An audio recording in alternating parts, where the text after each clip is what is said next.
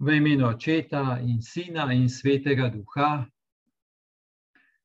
Hvala ti, Gospod, za tvojo besedo in hvala za vsako željo poslušati tvojo besedo.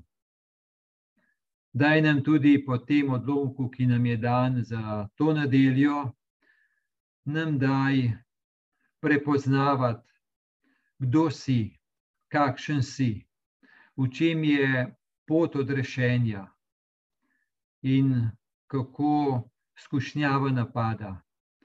In nam iz tega tudi daj kakšno luč za nas, kakšno notranjo jasnost in predvsem pa moč, da se odpiramo tvojemu odrešenju in hrepenimo po tvojem odrešenju, Gospod.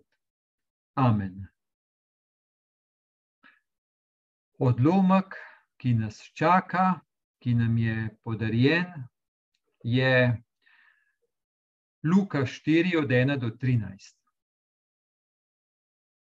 Tisti čas se je Jezus vrnil od Jordana, poln svetega duha, in duh ga je vodil 40 dni po puščavi, hudič pa ga je skušal.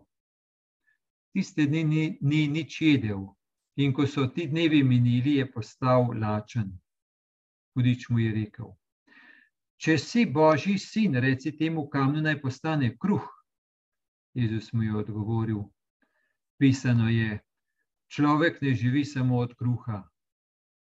Na to ga je hudič povedal, gor mu v hipu pokazal vsa kraljestva sveta in mu rekel: Tebi bom dal vso to oblast in njihovo slavo, kaj ti meni je izročena in lahko jo dam komor hočem. Če torej pred me padeš in me moliš, bo vsa tvoja. Jezus mu je odgovoril: Pisano je, Gospoda svojega Boga moli in njemu samemu služi. Potem ga je hudič odvedel v Jeruzalem, ga postavil vrh templa in mu rekel: Če si božji sin, se vrzijo tukaj dol, kaj ti pisano je, svojim angelom bo zate zapovedal, da te obvarujejo in na rokah te bodo nosili, da z nogo ne zadeneš ob kamen. Jezus mu je odgovoril: rečeno je: Ne preizkušaj gospoda svojega Boga. Ko je hudič končal z vsemi izkušnjavami, se je za nekaj časa umaknil od njega.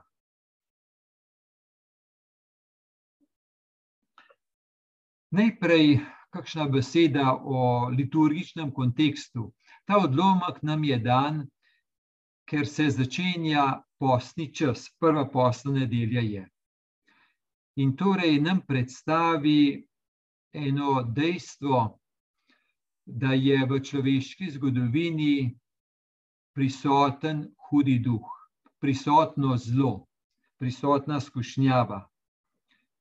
Da je tako, je bilo tako in je, in nam ni treba se veliko ozirati okrog po svetu, sedaj, da vidimo, koliko zla je na delu. Zdaj pa, kje dejansko se zlo začenja? A se začenja šele v enih zunanjih dejanjih, pa stanki in tako naprej? Ne, zlo se najprej začenja v človekovem srcu. Torej, da je hudi duh, ki skuša uh, vstopiti v človekovo srce, zauzeti prostor, in potem pa pridejo na vzven konkretna dejanja, besede, odločitve. Torej, srce je ta prostor, srce v tem bibličnem smislu, da je srce prostor, kjer smo mi najbližji Bogu in Bog najbližji nam. Če pa v srce druge stvari vstopijo, se potem odnos z Bogom prekine in nas ima hudi duh hitro lahko v oblasti. No, in tukaj bomo sedaj v tem odlomku vidimo, kako se za Jezusovo srce, kako je dano očetu, ampak kako pa hudi, hudič hotel na vsak način, da bi Jezusa zavedel. Tako začenja ta odlomek. Tisti čas se je Jezus vrnil od Jordana, poln svetega duha, in duh ga je vodil 40 dni po puščavi, hudič pa ga je skušal. Vrnil od Jordana, torej pomeni vrnil od dogodka krsta. kjer ga je krstnik krstil. Torej, to je bil trenutek, ko se je Jezus postavil v vrsto z grešniki. On ni bil grešnik, ampak je prišel blizu grešniku, solidaren z grešniki, blizu njim. No, in takrat po krstu je omenjen sveti duh in očetov glas, ti si moj ljubljeni sin, te bo imam veselje.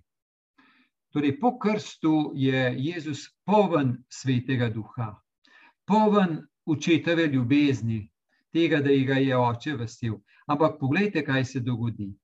Bi morda mislili, da ko je Jezus poln svetega duha, da je zdaj pravi trenutek, da gre oznanjati, da gre med ljudi, da gre poučevati, da gre čudeže delati. Ampak kako je že tako, da je zdaj trenutek prišel, da gre v puščavo, ker prav pravi, da ga je duh, torej sveti duh, vodil po puščavi. To lahko v kakšni taki romantični, idealistični podobi mi tako gledamo, češ da če je polno svetega duha, potem je pa človek kar varen pred hudim duhom, pa varen pred skušnjavami. Ampak očitno ni tako. Očitno ni tako. Vidimo, je omenjena puščava. 40 dni po puščavi ga je vodil. Puščava v svetem pismu je kraj preizkušen, in obenem je tudi kraj um, zaupanja Bogu, kraj krepitve utemeljenosti v Bogu. Se spomnimo v stari zavezi, ko je šla pot iz Egipta v obljubljeno deželo, ni bilo Egipt, pa pa takoj obljubljena dežela ampak je bilo Egipt, Rdeče morje, za Rdečim morjem, kjer so, kjer so Egipčani povsem zadaj ustali, ampak na drugi strani Rdečega morja jih je potem čakala puščava in potem šele obljubljena dežela. In puščava je kar trajala 40 let. 40, vemo, ni zdaj tako, to, da je to simbolno število, to ni 39 plus 1, ampak pomeni 40, toliko, koliko je bilo potrebno. Torej, v puščavi so bili, je bilo ljudstvo toliko časa, da je lahko jih Bog naučil zaupanja njemu in da so pozabili na Egipt, da so pozabili na način tega suženstva, ampak da so lahko zaupali Bogu, da so lahko zaupali, da Bog poskrbi za njih in da v tem, ko so občutili, da Bog poskrbi za nje, da so lahko to, kar so prejeli, delili med seboj in tako postajali dobri si med seboj, torej božje ljudstvo. Da so izkusili, kako je Bog dober, da skrbi za nje in kako naj oni postanejo dobri med seboj. Torej, to je bilo v stari uh, zavezi. Puščava je bila pomemben del poti iz Egipta v obljubljeno deželo. No, in tukaj imamo zdaj Jezusa, 40 dni je in gre skozi puščavo, gre skozi preizkušnjo. Zakaj je preizkušnja tako potrebna? Je že tako, da vse dragocene stvari v življenju gredo skozi preizkušnjo. Tako je, če le hočemo hoditi pot odrešenja. V stari zavezi, naprimer, beremo Siraha, Sirah 2. Tako pravi: Otrok, če se približuješ, da bi služil Gospodu, pripravi svojo dušo na preizkušnjo, vzravnaj svoje srce in ustraja, in ne prenagli se v trenutku spopada. Njega se drži in se ne umikaj, da boš na zadnje povišen. Vse, kar pride na te, sprejmi, potrpi, kadar te doleti ponižanje, zakaj v ognju se preizkuša zlato tisti, ki so Bogu po volji v peči ponižanja. Zanašaj se na njega, pa se bo zate zauzel. Zakaj je vse to tako pomembno?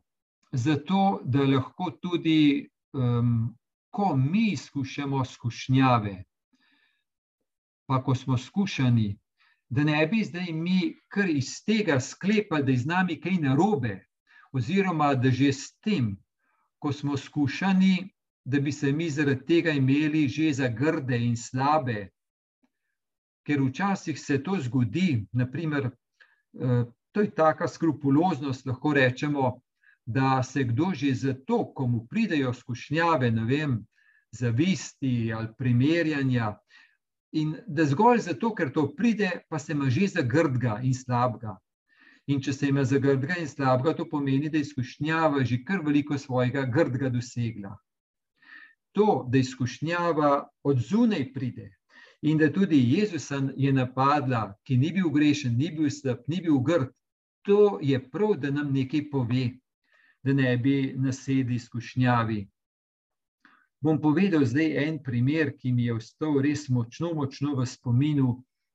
Smo bili ena ekipa, smo vodili en tečaj, je bilo prav o duhovnem razločevanju, in je potem um, eden v ekipi, vsak večer smo se zbrali skupaj, cel teden je trajal tečaj, in vsak teden smo se zbrali skupaj.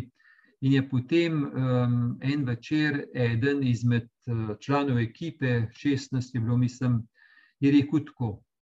Je rekel, čutim, da je prav, da, da povem, kako me je danes ena skušnjava matrala. In sicer, ko sem videl, kako sta ti in ti, torej je omenil dva v ekipi, ne mene, ampak je ne dva druga imenu. Ko sem videl vaju, kako sta vidva dobro izpeljala stvar, svoj delež, ker vsak v ekipi je imel svoj delež za narediti. Ko sem jaz vaju videl, kako sta dobro izpeljala, meni je prišlo toliko zavisti in ljubosumja, prav zavisti in me izkušnjava kar en čas matrala. Me je kar en čas matrala, da je popustila. In sem želel res to povedati vam. Tako je rekel. Ampak vam povem, da je on to povedal z eno tako dostojanstvenostjo, prav tisto, da je rekel. Jaz sem jaz, skušnjava, zavisti me je pa odzunaj napadala in me je res nečas napadala, ampak me ni premagala. To pomeni, ne, kaj pomeni, da skušnjava odzunaj pride in da ne bi zaradi tega, ker skušnjava pride, se imel že za slabega. To ne gre za to. In ta odlomek je prav, da, nas to, da nam da kaj, kakšno luč v zvezi s tem. No, gremo zdaj naprej. Prva skušnjava. Tiste dni ni nič jedel, in ko so ti dnevi minili, je postal lačen. Hudič mu je rekel: Če si božji sin, reci temu kamnu naj postane kruh. Jezus mu je odgovoril: Pisano je, človek ne živi samo od kruha torej omenjena lakota. Lakota pomeni človeška krhkost, pomeni omejenost, pomeni bivanska ogroženost. In tam, kjer je to skušnjava, zlahka pride zraven. Spomnimo se, naprimer, v puščavi, v stari zavezi, kako je ljudstvo jamralo, da nimajo vode, da nimajo hrane, in je bil ta strah strašansko močen, in so začeli dvomiti v Boga, se upirati se pritoževati čez Mojzesa pa Arona. No in Bog pa je pokazal, je poskrbel za njih in sicer je poskrbel prav na en nov način, nepoznan način, da jim je poslal mano. Prej so poznali kruh, ki so ga sami pekali. Zdaj, zdaj je pa Bog jim dal mano, to se pravi čist en drug način, nov način.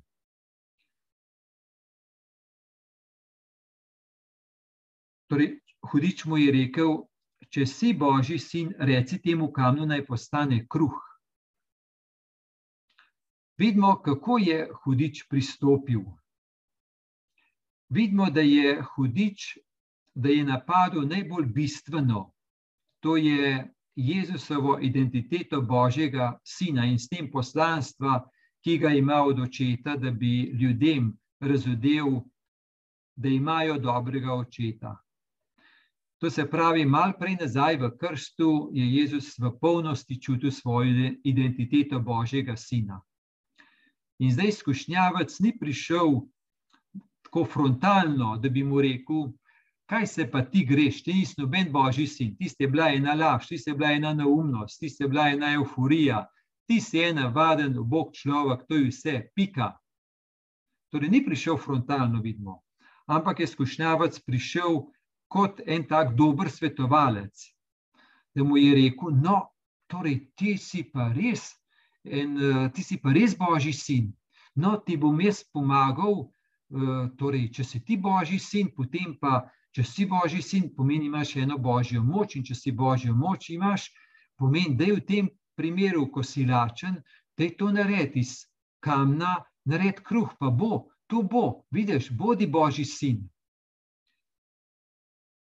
Tako zgleda taka nedolžna skušnjava, ampak je hinavska in zelo prebrisana. Torej, se dela dobrega svetovalca, ampak dejansko pa izkorišča nekaj najbolj dragocenega. Prav v reku, kar je najbolj dragoceno, kar je Jezusu najbolj pri srcu. To je tako, naprimer, kaj pomeni nefrontalen napad skušnjave. Pomeni, kot če skušnjava ti, naprimer, reče, če si ti zares dober kristjan, zares dobra kristjanka. To pa pomeni, da potem moraš biti tak in tak in tak, in tam zapne. Ampak izkušnjava, ki to govori, ne Bog. Ali pa, naprimer, tak nefrontalen napad, da bi rek, da reče izkušnjava, no, če si pa ti zares dobra žena, ali pa dobra mama, potem pa bi ti morala biti taka, pa taka, pa taka. In potem pa še implicitno skušnjava doda, ampak dejansko pa nisi taka, ker kriva se čuti, ker nisi taka. No, to pomeni nefrontalni napad. Tak skrit, brhinavski, in ga je težje prepoznati. No, in tukaj izkušnjava vidimo, da, da zapič svojo os prav v krhkost, to izrabi pri Jezusu in v stari zavezi je to izrabila pri ljudeh. Da bi svojo, svoje skušala, to se pravi, da bi bodi si v stari zavezi ljudstvo odvrnila od zaupanja v Boga, ali pa da bi tukaj Jezusa odvrnila od zaupanja v očeta. To se pravi, skušnjava reče Jezusu, lačen si, poskrbi za to, božji sin si, ti boš pa že to znov. Uporab svojo božjo moč za to. To se pravi, skušnjava se zelo um, zapiči v krhkost, v težavo, v problem in s tem v rešitev problema.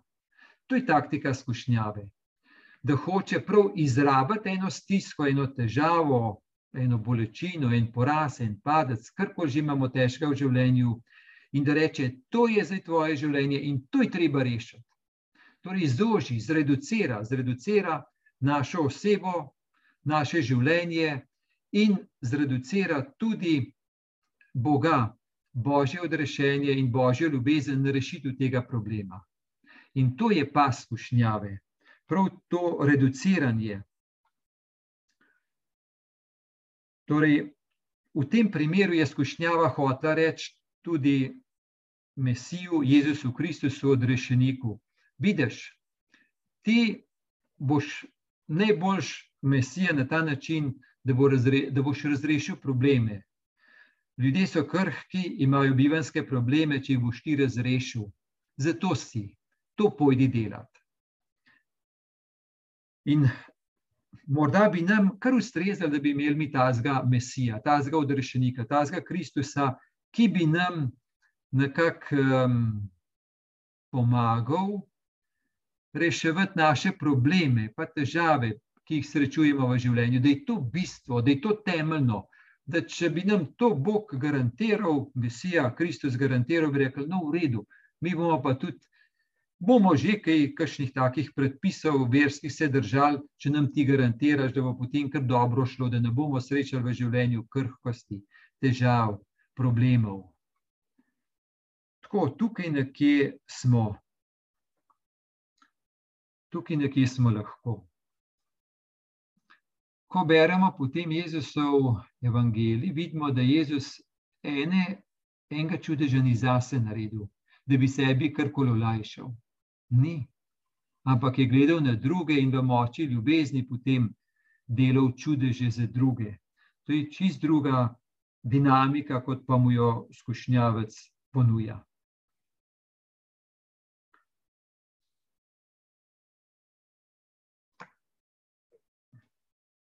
Potem, v, če beremo evangelije, bo ta skušnjava tudi prišla.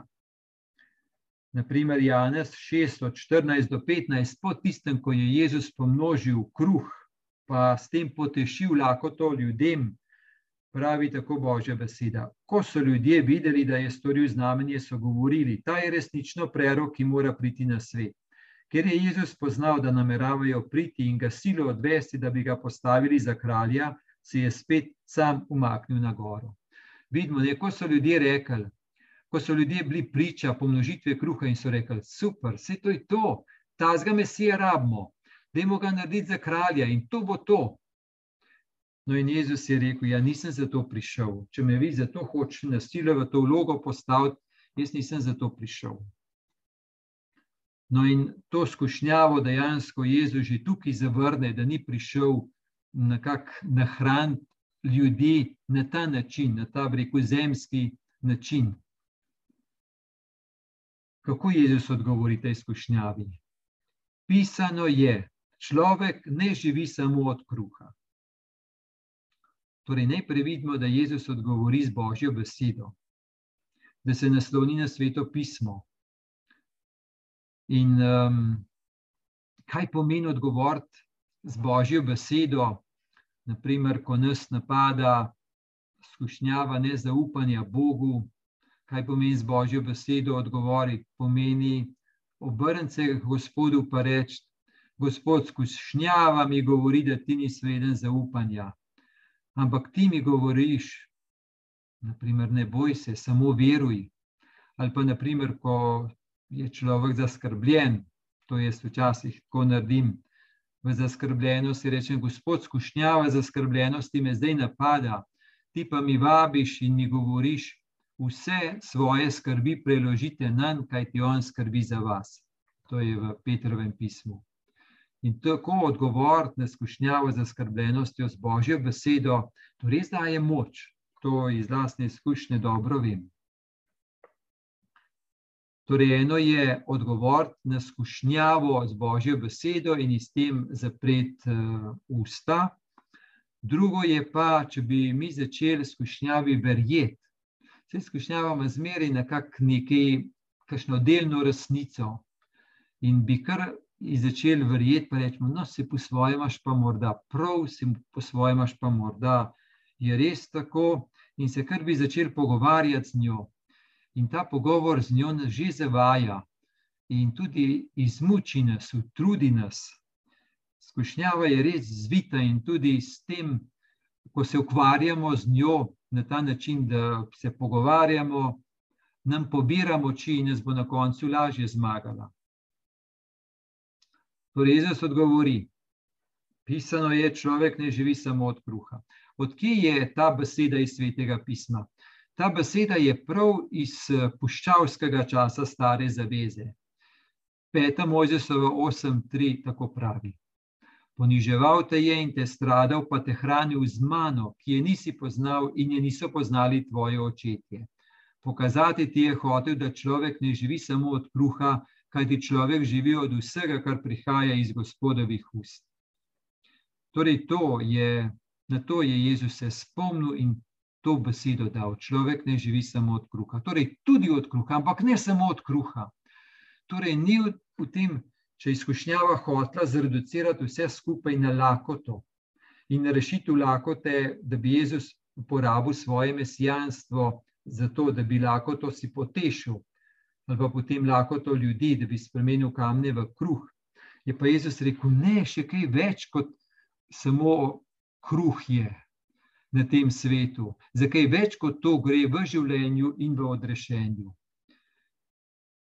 Torej, gre za mano, ki jo Bog daje, pomeni, Bog daje na mnoge načine svojo bližino in poskrbi za človeka.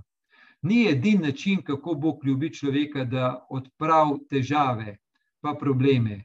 Ni edini način, kako Božja ljubezen je dejavna v našem življenju, da odpravlja naše težave in probleme. Tudi Ampak ni samo to. Se, če bi se na to zreducirali in Boga na to zreducirali, in Božje ljubezen na to zreducirali, in odrešenje na to zreducirali, potem res gremo lahko v eno tako gledanje odrešenja, v smislu, da je vse samo dobro teče. Ampak odrešenje je globlje, kako nas Bog ima rad, kako je z nami, kako očetovsko skrbi za nas in kako želi, da smo mi v občestvu, med seboj povezani in da si pomagamo v težavah, in tako naprej. To je ena druga vizija. Torej, to, zato gre, no, da ne gledamo vse skozi ta kruh, pa da ne poslušamo teh strahov, pa ogroženosti, ampak da zaupamo Bogu. Torej, gre za bistvo naše vere, da ne more biti zdaj zreducirana, da je Bog en garant, da bi bili vsi naši problemi takoj razrešeni ali pa da bi bili obarovani. Stvari so globlje, bistvo naše vere je mnogo globlje in je bolj vezano torej na božje sinovstvo, na božje otroštvo, na občestvenost z Bogom in med nami. To nam Bog želi, da to je božje življenje, ne pa zgolj rešiti probleme. Pa čeprav tudi to dela Bog, jasno da ampak smo rekli, ne pa zreducirati v to, ker skušnjava ga je pa hotela zreducirati v to. Itak pa, če pogledamo dobro, vemo, da se ni človekovo življenje že odrešeno z eno preskrbljenostjo, ali materialno preskrbljenostjo, ali čustveno preskrbljenostjo. Stvari so globlje. Oziroma, tako, kaj človeka dejansko poganja v življenju poganja ne samo kruh, ne samo čustvena preskrbljenost, ampak ljubljenost. Tista ljubljenost, ki jo potrebujemo, še prav posebej takrat, ko jo nič ne prislužimo in ko jo tudi ljudje nam ne morejo dati. To je pa božja ljubezen. Ena brezpogojna, zastonska božja ljubezen, ki nam je dana tudi takrat, ko smo grešni. To je najgloblja in najbolj globinska, očiščujoča moč in odrešenska energija.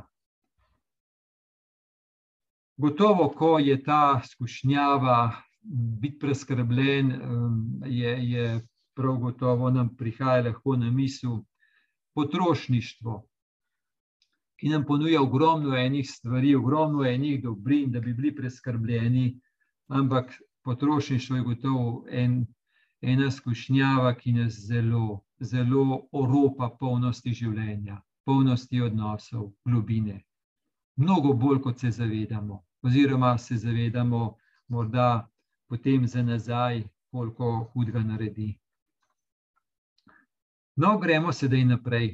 Druga skušnjava. Na to je hudič povedal, gor mu v hipu pokazal vsa kraljestva sveta in mu rekel: Tebi bom dal vso to oblast in njihovo slavo, kaj ti meni je izročena in jo lahko dam komor hočem, če torej predne padeš in me moliš, bo vsa tvoja.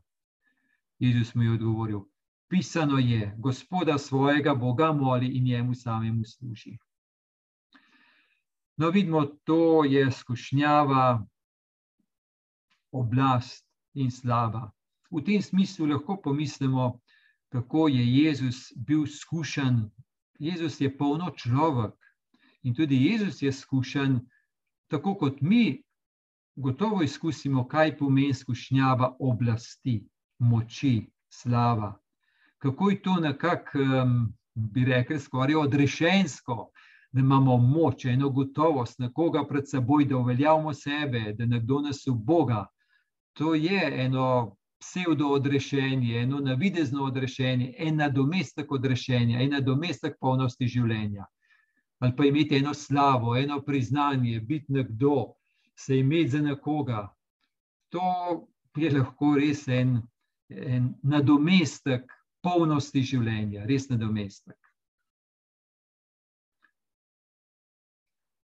To moč, oblast.